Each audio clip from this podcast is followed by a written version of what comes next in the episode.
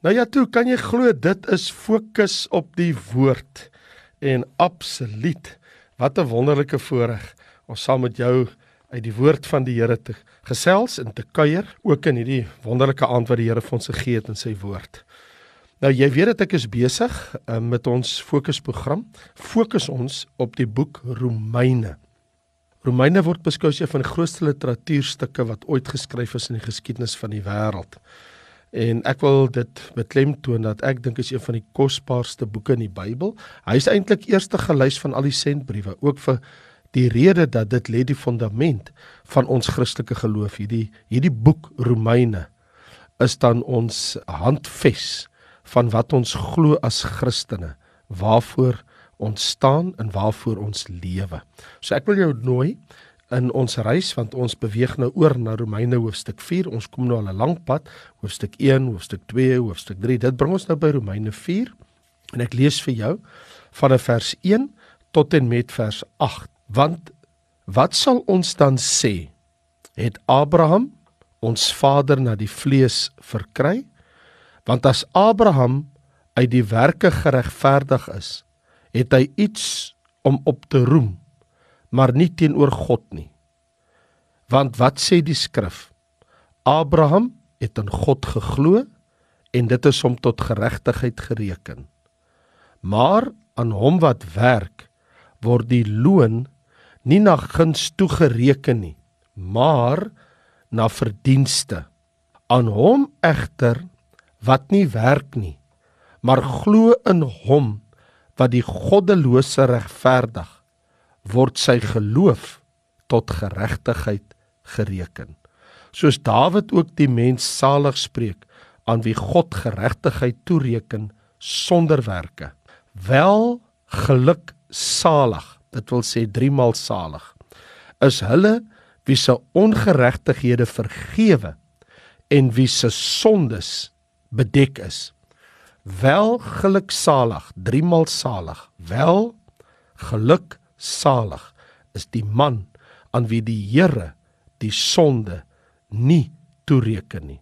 Nou die argument wat hier loop is wanneer ons gaan kyk is hoe maar hoe krediteer die Here ons rekening as ons praat oor geregtigheid. Dit gaan hier oor toerekening want selfs Dawid het gesê en dit is wat Paulus na verwys. So Paulus skrywe die Romeine brief aan Romeinse gelowiges in Rome en hy vertel hulle dat Vader Abraham uit wie se geslag hy Paulus is dat Abraham het in God geglo en dit is hom tot geregtigheid gereken. En Abraham het gelewe voor die wet. Maar dan kom hy en hy sê en Dawid sê hy het die mens salig gespreek vers 6 aan wie God geregtigheid toereken sonder werke. Want hy sê het Dawid dan nie gesê welgeluksalig is die wie se ongeregtighede vergewe is wie se sondes bedek is aan wie die Here die sonde nie toereken nie. Die Here plaas nie jou sonde op jou rekening nie. Die Here maak daai rekening skoon. Hy doen iets anders. So ek wil graag hier met jou gesels oor die Here krediteer ons rekening. In ander woorde, kom ons praat oor toerekening. Jy sien, wanneer die Here oor 'n saak soos die ewige lewe praat, wetende dat dit 'n baie belangrike aspek is in die Bybel, dan vind ons dat daar's baie illustrasies, verduidelikings rondom hierdie aspekte sodat ons dit beter kan verstaan. Byvoorbeeld, wat ek probeer sê is, Wanneer die Here met boere praat in die Bybel, dan praat hy oor grond en saad, oor plant, uh, oor oes, want 'n boer verstaan daai taal. Wanneer die Here met skaapherders praat, dan praat hy oor skape, oor die herderstaf, oor die wolwe en die wilde diere wat die herder moet beskerm en hy lei sy skape na waters waar rus is. Wanneer die Here met bedelaars praat oor bedelaars, dan praat hy oor die groot feesmaal, die bruilofsmaal van die lam, die feesmaal van die Vader wat hy vir sy seun voorberei. Wanneer die Here met wetgeleerdes praat in die Bybel, praat hy oor regverdigmaking.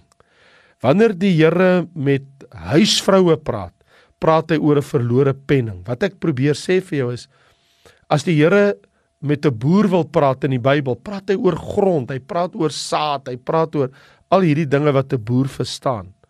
Nou, wanneer die Bybel praat oor toereken of toegerekendheid of toerekening, dan vind jy dat dis asof die Here praat soos met 'n bankier omdat omrede die woord is ook 'n finansiële term. Die Engelse woord vir toereken is imputation en dit kom van die latynse woord wat letterlik beteken om te reken of om te krediteer tot een se rekening. Jy moet nou mooi hoor wat ek sê. Wanneer die Here met my en jou praat oor toerekening, is dit so goed soos hy praat met 'n bankier en hy gebruik 'n finansiële term omdat die Engelse woord imputation wat van die latynse woord kom, beteken sê ek om te reken of te krediteer tot een se rekening. Kom ek verduidelik. Wanneer jy bank toe gaan en jy deponeer geld in 'n rekening, dan vind toerekening imputation plaas. Hoekom? Want die teller wat daar by die toonbank sit, hy ontvang mos nou jou geld en hy deponeer die geld in jou geakkrediteerde rekening, jou naam en hy tik dit daarin of hy skryf dit op die rekord of die staat. Dit wil sê dat jy word toegereken op jou naam op jou rekening lê daar hierdie bedrag. Dit is toerekening. So jy kan enige tyd na 'n teller toe gaan of jy kan enige tyd na die uh, na die uh, mobile masjien gaan en jy kan jou geld gaan trek omdat jy het 'n behoefte om dit wat daar ingesit is van dit te gebruik. So hoe moet ek en jy wanneer ek met jou praat oor die Here krediteer ons rekening? Want hier staan dit. Ek het dit nou vir jou gelees. Welgeluk sal ek as 'n man aan wie die Here die sonde nie toereken nie. So daar's sekere goed wat die Here sit nie op jou rekord nie. En dan is daar ander goed wat die Here plaas op jou rekord. So Hoe moet ons die woord toereken of toegereken in die Bybel verstaan? Kom ons praat ten koste hiervan ten eerste. Kom ek verduidelik vir jou toerekening. 'n Maklike wyse om toerekening te verstaan is om twee rekordboeke of state te sien. Twee bankboeke. Die een het Christus se naam daarop. En naas hom is 'n ander bankboek met die naam van Adam. Nou Jesus Christus se rekordboek is silwer skoon, daar's geen skuld opgeteken. Daar's niks sonde wat hy gepleeg het. Daar's niks wat op Christus se rekening staan in sy naam toe hy op aarde geleef het. Sy hele lewe waaraan hy aan iets skuldig is nie. Adam se rekordboek is onvolmaak. Inteendeel, hy is bankrot. Daar's groot skuld teen hom opgeteken. Hy staan skuldig voor God. Want my en jou rekord is mos Adam se rekord. Ons is mos almal uit Adam. En ons lees mos daar in Genesis hoofstuk 5 vers 1 wanneer ons lees van die stamboom van Adam. Dit is die stamboom van Adam die dag toe God Adam geskaap het, het hy hom ge gemaak na die gelykenis van God. En nou sien ons mos hierso in die volgende hoofstuk van Romeine waar ons net in hoofstuk 4 gelees het in Romeine 5 vers 12. Daarom soos deur een mens sonde in die wêreld ingekom het, dis mos nou Adam. En die sonde, die dood tot alle mense deurgedring het omdat almal gesondig het. Ek en jy staan op Adam se rekord ek en jy's bankrot soos Adam en in Adam. Nou dit mag wees dat ons rekord as kinders van God omdat ons wedergebore is, vind ons nou in Christus iets anders. Want 2 Korintiërs 5 vers 17 sê as iemand in Christus is, is hy 'n nuwe skepsel. Die ou ding het verbygegaan. Kyk, alles het nuut geword. En saam met dit sien ons mos nou in 1 Korintiërs 15 vers 45 tot 49 so staan geskrywe die eerste Adam het 'n lewende siel geword soos die aardse mens was soos ook die aardse mense en soos ons die beeld van die aardse gedra het dit is van Adam sal ons ook die beeld van die hemelse dra, Christus, die tweede mens, die Here uit die hemel, die laaste Adam, 'n lewendmakende gees. So eintlik kon ek en jy met daai twee boeke wat ons krediteer, kan ons gesit het. Eerste Adam, laaste Adam. Eerste mens, tweede mens. Adam, Christus. Want nou, wat het gebeur? Hoe het die Here my en jou uit ons skuld en ons bankrotskap, ons geestelike skuld en bankrotskap voor God. Hoe het die Here ons uit al daai gemors uitgekry? Die antwoord is toerekening, imputation. Want wat het Christus gedoen? Wel hier is die verrassende. Hierdie is vir my een van die kosbaarste tekste in die ganse Bybel. Dis in 2 Korintiërs hoofstuk 5 vers 21 want hy God het hom Christus wat geen sonde geken het nie. Kyk na sy bankrekening, kyk na die staat. Daar's geen sonde nie op Christus sin, op die laaste Adam. Het hy sonde vir ons gemaak sodat ons kan word geregtigheid van God in hom. So wat die Here gedoen het, hy plaas ons skuld op Jesus. Soos wat ek en jy sien in Jesaja hoofstuk 53, daai bekende gedeelte waar die Bybel mos sê dat by hom was daar niks verkeerd te vind. Daar staan mos, hy is ter wille van ons oortredinge deurboor. Ons het almal gedwaal so skape, maar daar staan dan vers 12 dat die Here sê, daarom sal ek hom 'n deel gee onder die grootes, met magtige sal hy my seën byt verdeel omdat sy siel uitgestort het in die dood terwyl hy met die oortreders getel was terwyl hy tog die sonde van baie gedra en vir die oortreders gebid het. So wat ek en jy hier sien, is dat die Here op 'n wonderlike manier vir ons wys dat wat Jesus gedoen het, hy gee vir ons sy skoon rekening en hy vat ons skuld op hom. Dis hoekom hier staan in vers 6, soos Dawid Romeine 4 vers 6, die mens salig spreek aan wie God geregtigheid toereken sonder werke vers 8 sê: Welgeluksalig is die man aan wie die Here die sonde nie toereken nie. Want wat doen die Here nou? Hy reken ons Christus se geregtigheid toe.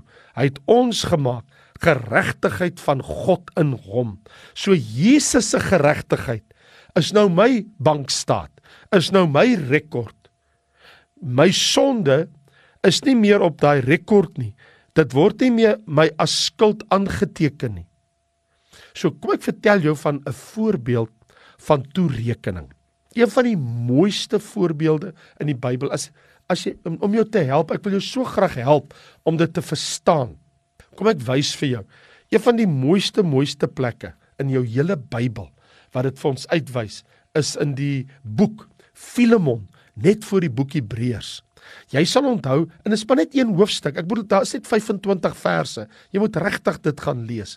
Want daar het ons een van die mooiste verhale en voorbeelde in die Bybel in die sentbrief uh aan Filemon wat handel oor 'n slaaf Onesimus, 'n man wat Paulus in die tronk ontmoet het, na die Here toe gelei het en wat ehm um, wat nou moet terugkeer na sy heer toe, na Filemon toe. 'n Man met die naam van 'n uh, Filemon Die brief word nou gerig aan Filemon, die heer van die slaaf Onesimus. En nou skryf Paulus vir Filemon sy vriend uit die tronk uit 'n brief. En hy sê vir Onesimus: "Vat hierdie brief. Dan gaan jy na Filemon toe, want ek weet jy skuld Filemon 'n klomp geld. Dis hoekom jy hier in die gevangenis gewerp was." En so, nou lees ons daar in die brief vers 18 waar Paulus pleit by Filemon. Hy sê Filemon, Hy sê as hy Onesimus jou benadeel het, as hy skuldig staan voor jou en hy skuld jou iets, sit dit op my rekening. Hier staan dit. Sit dit op my rekening. Ek Paulus. Ek het dit met my eie hand geskrywe. Ek skryf hierdie brief. Ek sal dit betaal. Hy sê as Onesimus, jou slaaf wat in die gevangenis tot bekering gekom het, terugkom na jou toe, moet hom nie meer kwaadlik neem nie. As hy jou iets skuld, sit dit op my rekening. Hy sê in ander woorde plaas dit op my. Ek sal dit vat. Ek sal Onesimus se skuld sal ek op my neem. Dit is toerekening. In ander woorde, dis wat Jesus Christus vir my en jou gedoen het. Hy sê vir God die Vader: Ek weet Raymond Lombard is bankrot. Ek weet Gert en Jan en Koos en Sunny en Magda. Ek weet dat hulle is bankrot. Hulle kan nie eens begin om hulle skuld voor u te betaal nie. Maar plaas dit op my, u seun Jesus se rekening. Ek betaal. En Jesus se bloed was die prys wat betaal was om ons rekening skoon te maak. So nou het ons 'n ervaring van toegerekende geregtigheid. Want kyk, hoe werk dit in ons lewens? Hoe werk dit in my en jou geval? Ten eerste, erken jou skuld voor God. Dis die eerste stap in die regte rigting. Erken jy se sondaar dat jy's geestelik bankrot en jy kan nie jou skuld voor God betaal, jou geestelike skuld.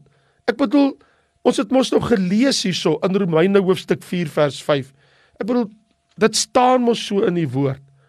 Aan hom en dit is letterlik so wat nie werk nie, maar glo in God wat die goddelose regverdig word sy geloof tot geregtigheid gereken. Imputation. So jou geloof in God beteken dat God is bereid jou geloof in sy seun Jesus en jy vra God se vergifnis. Jy glo in God se vergifnis in sy seun Jesus Christus. Dan beteken dit jy erken jou skuld voor God. Dis die eerste ding. Jy moet erken jy het skuld voor God. Jy staan geestelik in skuld. En dan ten tweede, moenie rekord hou van jou eie sondes nie. Jy weet, baie kinders van Here het hierdie absolute vermoë. Hulle onthou altyd wat God al lankal vergewe het. Is jy ook een van hulle? Jy onthou nog steeds Maar God het al lankal vergewe. Maar jy onthou wat jy gedoen het. Die Here hou nie rekord van sy kind se skuld nie. Voor hom staan ons nie meer veroordeel nie. Dis die duiwel wat jou herinner aan jou skuld. Kom ek vertel jou. Martin Luther vertel een oggend vir sy vrou Cassie toe hy wakker word.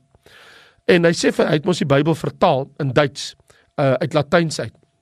In verskillende tale ook gekyk, maar wat hy gedoen het, Hy Martin Luther sê vir sy vrou, ek het gisteraand 'n droom gehad, maar was soos 'n werklike droom. En sy vrou sê vir Martin, "Wat het jy gedroom?" En hy sê, "Ek droom ek staan voor God en ek sien die staat met al my skuld. En die duiwel staan daar en hy lag en hy wys na al my oortredinge. Hy sê, en die ergste van alles is ek weet die duiwel is reg.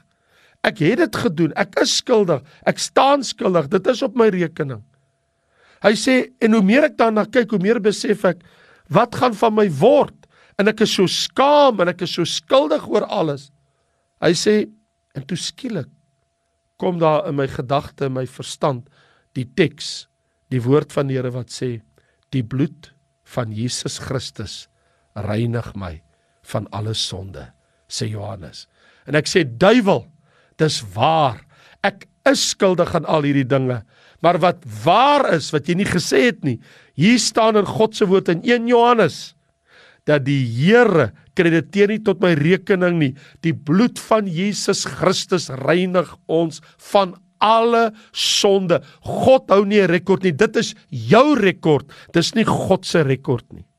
En dan wil ek vir jou laastens sê, moenie rekord hou van ander mense se sonde nie.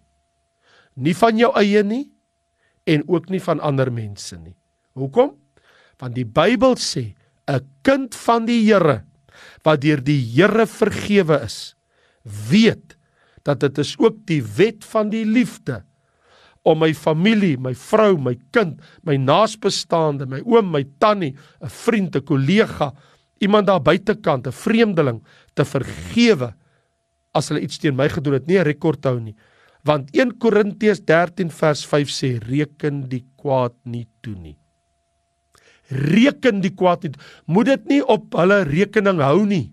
Want God het jou rekening skoon gemaak. Hoekom wil jy 'n ander mens se rekening hou? En as jy vir die persoon sê ja, ek vergewe jou, maar like ek gaan nie vergeet wat jy gedoen het nie. Ek sal altyd onthou wat jy gedoen het. Ons behoort nie ander mense se sondes in oortrek in ons hart, ons gedagtes te vertroetel nie. Nie eens wat hulle teen ons gedoen het nie. Ek bedoel Jesus se woorde is die finale uitspraak. Toe hy in Markus hoofstuk 11 sonder om te skroom gesê het in vers 25 en 26 wanneer jy staan en bid vergeef as jy iets teen iemand het sodat julle Vader wat in die hemel is ook julle heel oortredinge mag vergewe. Maar as julle nie vergewe nie, sal julle Vader wat in die hemel is ook julle oortredinge nie vergewe nie. My raad aan jou is: gee dit vir die Here om daarmee te deel. Vergewe van harte. Hier is die goeie nuus. Die Here het ons rekening met Jesus Christus se rekord van bloed gekrediteer. Jesus wat vir ons aan die kruis gehang het, het die prys betaal. Jesus Christus het soos wat Paulus vir Filemon gesê het, sê Jesus vir sy Vader in die hemel, sit daai persoon se skuld op my rekening. Ontvang hulle soos u my ontvang het. Want jy sien die Vader in die hemel hou wel 'n rekord maar van goeie dade om ons eendag in Christus te beloon, maar hy hou nie 'n rekord van ons sondes nie. Het jy gehoor wat ek gesê het? Daar is 'n rekord van jou in die hemel, maar dis 'n rekord van jou goeie dade waar die Here jou gaan beloon, maar nie 'n rekord van jou sonde nie. Die bloed van Jesus Christus het dit weggewas. Of wat verstaan ek en jy nie van 1 Johannes 5 vers 11, 12 en 13? Dit is die getuienis dat God ons die ewige lewe gegee het. Die Die lewe is in sy seun. Hy wat die seun het, het die lewe. Wie die seun van God nie het, nie die lewe nie. En dit het ek geskryf aan julle wat glo in die naam van die seun van God, sodat julle kan weet dat julle die ewige lewe het en kan glo in die naam van die seun van God. Ek het verbatim vir jou aangehaal. Dis wat staan in 1 Johannes 5 vers 11 tot 13. Wat verstaan jy nie oor hierdie dinge nie? Die Here het ons die ewige lewe gegee. Dis op ons rekord. Jesus se bloed is op ons rekord. Die Here reken ons ons sondes nie toe nie. Dit is die boodskap van die boek Romeine. As jy glo in Jesus Christus, word jy geregverdig deur die geloof en die Here reken ons Christus se stand voor God sonder skuld word op jou rekening in my rekening geplaas. My rekening is nou Christus se rekening wat skuldvry was toe hy geen sonde gedoen het nie want hy het ons skuld toe op hom geneem en sy skoon rekord het hy ons toegereken Vader ons loof en prys U daarvoor in Jesus kosbare naam amen Nou ja vriende, ek is Raymond Lombard en dit met jou heerlik gesels uit die woordheid. Vertrou dat dit vir jou seën was. Volgende week kyk ons weer verder. Baie dankie en totsiens.